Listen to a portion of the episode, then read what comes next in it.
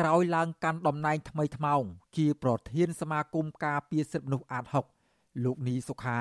បដិញ្ញាបន្តបេសកកម្មរបស់ខ្លួន ដើម្បីចូលរួមជំរុញឲ្យដំណើរការប្រជាធិបតេយ្យនិងការគោរពសិទ្ធិមនុស្សពេញលេញនៅក្នុងកម្ពុជាបើទោះបីប្រឈមការធ្វើទុកបុកម្នេញបែបណាក្តីបុរសសម្បល់សស្ដើងខ្ពស់ស្រឡះរូបនេះ តែងតែរិះគន់ត្រង់ត្រង់ទៅលើរដ្ឋាភិបាល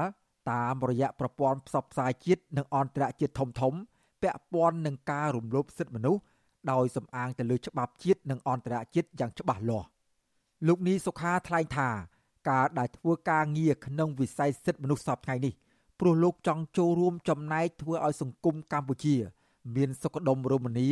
សម្រាប់ប្រជាពលរដ្ឋគ្រប់គ្រប់រូបមិនមែនសម្រាប់តែអ្នកមានលុយនិងមានអំណាចឡើយ។ ខ្ញុំអត់មានអ្វីក្រៅពីចង់ឃើញសង្គមជាតិយើងប្រជាពលរដ្ឋយើងលោករស់នៅដោយមានសេចក្តីថ្លៃថ្នូរមានការគោរពសិទ្ធិគ្នាទៅវិញទៅមកនៅក្នុងសង្គមនឹងសង្គមមួយដែលមានយុត្តិធម៌មានការគោរពច្បាប់បានត្រឹមត្រូវណាមិនមានការជិះជាន់គ្នាមិនមានការគៀបសង្កត់គ្នាជាគោលដៅរបស់ខ្ញុំចម្បងបានដែលខ្ញុំក្នុងមួយជីវិតនឹងគឺតែខ្ញុំមិនចង់បានអំណាចបនសាយទីទៀតទេអានឹងគឺខ្ញុំសូមជម្រាបទៅដល់សាធារណជនឲ្យលោកបានដឹងកុំឲ្យថាយើងធ្វើការដើម្បីមានបំណងចង់ទៅរកអំណាចចង់ទៅរកអីគឺយើងអត់មានទេបាទលោកនីសុខាកើតនៅថ្ងៃទី7ខែកក្កដាឆ្នាំ1972ក្នុងគ្រួសារកសិករមួយ នៅភូមិស្នៃពុលឃុំរកា ស្រុកពីរាំងខេត្តព្រៃវែងលោកគឺជាកូនទី5ក្នុងត្រកូលគ្រួសារដែលមានបងប្អូនបង្កើត6នាក់លោកបានរៀបអាពាហ៍ពិពាហ៍ជាមួយលោកស្រីម៉ែនលក្ខិណា ក្នុងឆ្នាំ1993 បច្ចុប្បន្នក្នុងវ័យ49ឆ្នាំ លោកមានកូន5នាក់ក្នុងនោះស្រីម្នាក់ប្រុស4នាក់និងមានទីលំនៅក្នុងរាជធានីភ្នំពេញក្រោយបញ្ចប់របបខ្មែរក្រហម ក្នុងឆ្នាំ1979លោកនីសុខា បានតស៊ូរៀនសូត្ររហូតបញ្ចប់បាក់ឌុបក្នុងឆ្នាំ1990បន្ទាប់មកដោយសារតែប្រទេសកម្ពុជា នៅបន្តមានសង្គ្រាមរ៉ាំរ៉ៃនោះ លោកបានចូលបម្រើកងទ័ព2ឆ្នាំ និងធ្លាប់ចូលរួមប្រយុទ្ធជាមួយនឹងពួកខ្មែរក្រហម នៅសមរភូមិភ្នំវល្លិដើមឆ្នាំ1991លុះដល់ពេលមានកិច្ចព្រមព្រៀងសន្តិភាពទីក្រុងប៉ារីសថ្ងៃទី23ខែតុលាឆ្នាំ1991លោកនីសុខាក៏បានលាឈប់ពីជីវភាពកងទ័ពវិញ ហើយបានចាប់ផ្ដើមចូលប្រឡងក្នុងសកម្មភាពការពារសិទ្ធិមនុស្សនៅក្នុងសមាគមការពារសិទ្ធិមនុស្សអាត60 ចាប់តាំងពីឆ្នាំ1992មកដំបូងឡើយលោកគឺជាបុគ្គលិកស្ម័គ្រចិត្តរបស់អង្គការអាត6ប្រចាំនៅសាខាខេត្តបាត់ដំបងខ្ញុំមាននិស័យចូលចិត្តខាងដៃច្បាប់និស័យសិទ្ធិមនុស្សហ្នឹងដល់ចូលចិត្តរឿងឈឺឆ្អាលរឿងភាពអយុត្តិធម៌ក្នុងសង្គមការរំលោភសិទ្ធិការអីហ្នឹងខ្ញុំក៏ចូលទៅប្រឡូកក្នុងកិច្ចការងារជាអ្នកស្ម័គ្រចិត្តនៅក្នុងសមាគមអាត6ហ្នឹងទៅក្នុងពេលបំពេញការងារជាអ្នកសិទ្ធិមនុស្សនេះលោកនីសុខាបានចំណាយពេល5ឆ្នាំ ដើម្បីសិក្សាបន្ថែម រហូតបានបញ្ចប់បរិញ្ញាបត្រជាន់ខ្ពស់ផ្នែកនីតិសាស្ត្រជំនាញនីតិសាធារណៈនៅសាកលវិទ្យាល័យមួយព្រមទាំងទទួលបានការបណ្ដុះបណ្ដាលផ្នែកសិទ្ធិមនុស្សទាំងក្នុងប្រទេសនិងក្រៅប្រទេសជាច្រើនផ្សេងទៀតផងដែរដោយសារតែការតស៊ូបំពេញការងារនិងភាពឆ្លៀសវៃលោកនីសុខា ត្រូវបានដំឡើងតួនាទីជាបន្តបន្ទាប់រហូតត្រូវបានជ្រើសតាំងជាប្រធានរបស់ស្ថាប័នសិទ្ធិមនុស្សដ៏ធំ និងល្បីល្បាញមួយនេះកាលពីដើមខែកក្កដាកន្លងទៅ។ យើងមិនភ្លេចគុណលោកធនសរាយដែលគាត់មានគុណសម្រាប់ជួយបណ្ដុះបណ្ដាលដល់ពួកយើងអប់រំពួកយើងឲ្យយើងមានសមត្ថភាពក្នុងការបន្តការដឹកនាំសមាគមអធិបតទៅទៀតនឹងបាទយើងក៏មានមោទនភាពដែរយើងក៏បដិញ្ញាចិត្តដែរបន្តខិតខំបេសកកម្មពីលោកប្រធានធនសរាយថាយើងនៅតែប្រកាន់ជំហរមួយគឺជាអ្នកការពារសិទ្ធិមនុស្សដោយមិនប្រកាន់នៅនិន្នាការនយោបាយមិនបំរើឲ្យគណៈបកនយោបាយយើងឯករាជ្យនឹងអព្យាក្រឹតរយៈពេលជិត30ឆ្នាំមកនេះលោកនីសុខាបានបំពេញការងារជាច្រើន ក្នុងការជួយលើកកម្ពស់ការងារសិទ្ធិមនុស្សក្នុងសង្គមកម្ពុជា តាមរយៈការអប់រំផ្សព្វផ្សាយអំពីសិទ្ធិមនុស្សប្រជាធិបតេយ្យនិងច្បាប់ដល់មន្ត្រីរាជការកងកម្លាំងប្រដាប់អាវុធនិងប្រជាពលរដ្ឋពិសេសជាងនេះទៅទៀតគឺការជួយដល់ប្រជាពលរដ្ឋក្រីក្រ ដែលទទួលរងនឹងការរំលោភបំពានសិទ្ធិមនុស្សពីសំណាក់បុគ្គលមានអំណាច និងមានទ្រព្យ តាមរយៈការជួយប្រឹក្សាយោបល់ផ្លូវច្បាប់ ជួយសរសេរពាក្យបណ្ដឹងចុះអង្កេតតាមដានប្រមូលព័ត៌មាន និងធ្វើអន្តរាគមជួយដល់ជនរងគ្រោះដោយមិនគិតពីសុវត្ថិភាពផ្ទាល់ខ្លួនឡើយពេលខ្លះលោកបានទទួលរងនឹងការសម្លុតគំរាមកំហែងប្រើហិង្សាឬគំរាមសម្លាប់ និងប្រមានចាប់ដាក់ពន្ធនាគារជាដើមព្រោះជាទូទៅ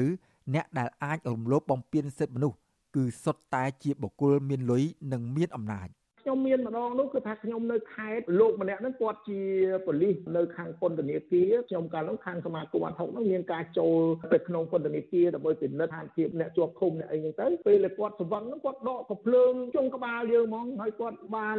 ប្រើពាក្យញាក់ងាយមកលើយើងស្អីអាសិទ្ធិមនុស្សអាអាត់ហុកអីចឹងណាដោយมันមានជារឿងអីធំទេប៉ុន្តែគាត់ដូចជាហាក់បីដូចជាគាត់មិនសប្បាយចិត្តទៅនឹងការងាររបស់យើងជាអ្នកសិទ្ធិមនុស្សអីចឹងណាក្រោយក្រោយមកទៀតក៏មានរឿងមិនខុសគ្នាដែរការបណ្ដឹងចេញនឹងដោយតកាយផ្ទះទៅអីហ្នឹងទៅហើយយើងក៏ចុះទៅឃ្លាំមើលអំពីរឿងបណ្ដឹងចេញហ្នឹងអញ្ចឹងមានខាងសមត្ថកិច្ចខាងប៉ូលីសខាងអីហ្នឹងគឺបាញ់ក្បែរក្បែរជើងយើងហ្មងសម្លុតយើងឲ្យយើងចេញធ្ងន់ធ្ងរជាងនេះលោកនីសុខា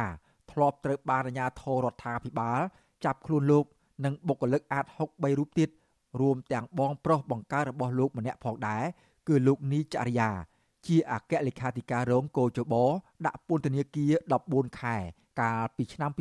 2016ដោយសារតែការងារមនុស្សធម៌ជួយជនរងគ្រោះតុលាការបានចោទប្រកាន់អ្នកទាំង5រូបពីបទសំគំនិត និងសោកប៉ាន់សាក់សីក្នុងសំណុំរឿងសញ្ចារកម្មពាក់ព័ន្ធនឹងប្រធានគណៈបកសង្គ្រោះជាតិលោកកំសុខាប៉ុន្តែមជ្ឈដ្ឋានជាតិនិងអន្តរជាតិចាត់ទុកថាជាសំណុំរឿងនយោបាយ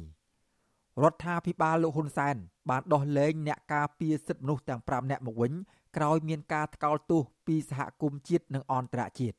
លោកនីសុខាថ្លែងថាការចាប់ខ្លួនលោកទាំងអយុធធរនៅពេលនោះធ្វើឲ្យលោកឈឺចាប់និងមិនអាចបំភ្លេចបានដល់សពថ្ងៃនេះ ខ្ញុំមានការឈឺចាប់ខ្លាំងមែនទែនពីព្រោះថាអ្វីដែលខ្ញុំបានធ្វើគឺខ្ញុំមិនបានទៅរំលោភឬក៏ទៅធ្វើអីឲ្យមានកំហុសខាងផ្លូវច្បាប់ទេយើងគ្រាន់តែធ្វើក្នុងនាមជាអ្នកការពារសិទ្ធិមនុស្សធ្វើក្នុងនាមគោលការណ៍របស់សមាគមគ្រាន់តែយើងធ្វើកិច្ចការងារដើម្បីជួយទៅលើជនរងគ្រោះដែលគាត់គ្មានទីពឹងខាងផ្លូវច្បាប់ដើម្បីឲ្យគាត់មានលទ្ធភាពទៅតតាំងខាងផ្លូវច្បាប់ដើម្បីឲ្យមានជាយុត្តិធម៌នៅក្នុងសង្គមបែរជាទទួលរងនៅការចោទប្រកាន់យើងថាយើងទៅសោកប៉ាន់សាក់សីទៅវិញបើទោះបីទទួលរងការធ្វើទុកបុកម្នេញនិងគំរាមកំហែងជាច្រើនលើកហើយក្តីក៏អ្នកការពារសិទ្ធិមនុស្សរូបនេះនៅតែមានសេចក្តីក្លាហាន និងនិយាយការពិត ដើម្បីឲ្យរដ្ឋាភិបាលកែលម្អស្ថានភាពប្រជាធិបតេយ្យនិងសិទ្ធិមនុស្សដែលកំពុងធ្លាក់ចុះដុនដាបឲ្យល្អប្រសើរឡើងវិញភរិយារបស់លោកនីសុខាគឺអ្នកស្រីម៉ែនលក្ខិណានិយាយថា អ្នកស្រីតែងតែបារម្ភអំពីសុវត្ថិភាពស្វាមីជានិច្ច ព្រោះការងារសិទ្ធិមនុស្សនេះតែងតែប្រឈមជាមួយនឹងបុគ្គលមានលុយមានអំណាចប៉ុន្តែអ្នកស្រីមិនដែលហាមឃាត់ស្វាមីឡើយអ្នកស្រីបន្តថាស្វាមីអ្នកស្រីជាបុគ្គលដែលមានសមានចិត្តល្អម្នាក់ចំពោះមនុស្សទូទៅ ហើយមានឆន្ទៈមុតមមនិងពុះពៀជួយដល់ជនរងគ្រោះដោយអំពើអយុត្តិធម៌និងមិនចេះត្អូញត្អែការងារឲ្យគ្រួសារបានដឹងនោះទេ គាត់មនោសញ្ចេតនាចិត្តគាត់គឺថាជាមួយអ្នកណាក៏ដូចអ្នកណាដែរគឺគាត់អត់ដែលគិតថាគេហ្នឹងចង់គេធ្វើអាក្រក់ជាមួយគាត់យ៉ាងម៉េចក៏ដោយក៏គាត់នៅតែល្អជាមួយគេជាតារាមអញ្ចឹងហ្មងនឹងជាចរិតស្វាមីខ្ញុំគាត់មិនដែលធ្វើអំពើអីអាក្រក់ជះទៅលើអ្នកណាទេចង់គេធ្វើអាក្រក់ចំពោះគាត់ប៉ុណ្ណាក៏ដោយក៏គាត់នៅតែមានភាពល្អនឹងជាតារាជាមួយគ្នានេះមន្ត្រីសម្របសម្រួលសមាគមការពារសិទ្ធិមនុស្សអាត6ប្រចាំខេត្តបាត់ដំបងលោកយិនមេងលី ក្នុងនាមជាមិត្តរួមអាជីពតាំងពីឆ្នាំ1992មកលោកបានថ្លែងសរសើរលោកនីសុខា ថាជាមនុស្សរស់រាយរាក់ទាក់ស្លូតបូតប៉ុន្តែបំពេញការងារសិទ្ធិមនុស្សប្រកបដោយភាពម៉ឺងម៉ាត់ព្រមទាំងមានចំណេះដឹងរឹងមាំផ្នែកច្បាប់ លោកបានឆ្លងកាត់នៅបទពិសោធន៍ច្រើននៅនឹងមូលដ្ឋានរហូតទៅក្លាយទៅជាអ្នកដឹកនាំនៅថ្នាក់ជាតិចរិតរបស់លោកវិញគឺរស់រាយរាក់ទាក់សម្រាប់សហការីរបស់លោកលោកមិនមានចរិតឆ្មាំងឆ្មៃទេរហូតមានការពេញចិត្តពេញថ្លើមពីលោកប្រធានតៃតៈគឺលោកធុនសរាយហើយក៏មានការគ្រប់គ្រងហើយយើងក៏មានការបោះឆ្នោតដើម្បីជ្រើសរើសឲ្យលោកធ្វើជាថ្នាក់ដឹកនាំដោយយើងមានការទុកចិត្តទៅលើសមត្ថភាពរបស់លោកងាកទៅលោកនីសុខាវិញ ទោះបីជាការងារសិទ្ធិមនុស្សនេះมันអាចធ្វើឲ្យលោកមានលុយមានអំណាច និងប្រឈមគ្រោះថ្នាក់យ៉ាងណាក្តីក៏លោកសប្បាយចិត្តនិងមានមោទនភាពនៅពេលឃើញមានជនរងគ្រោះជាច្រើន ដែលលោកបានជួយទាំងនោះទទួលបានភាពយុត្តិធម៌ខ្ញុំបាទសេកបណ្ឌិតវិទ្យុអសីសេរីពីរដ្ឋធានីវ៉ាស៊ីនតោន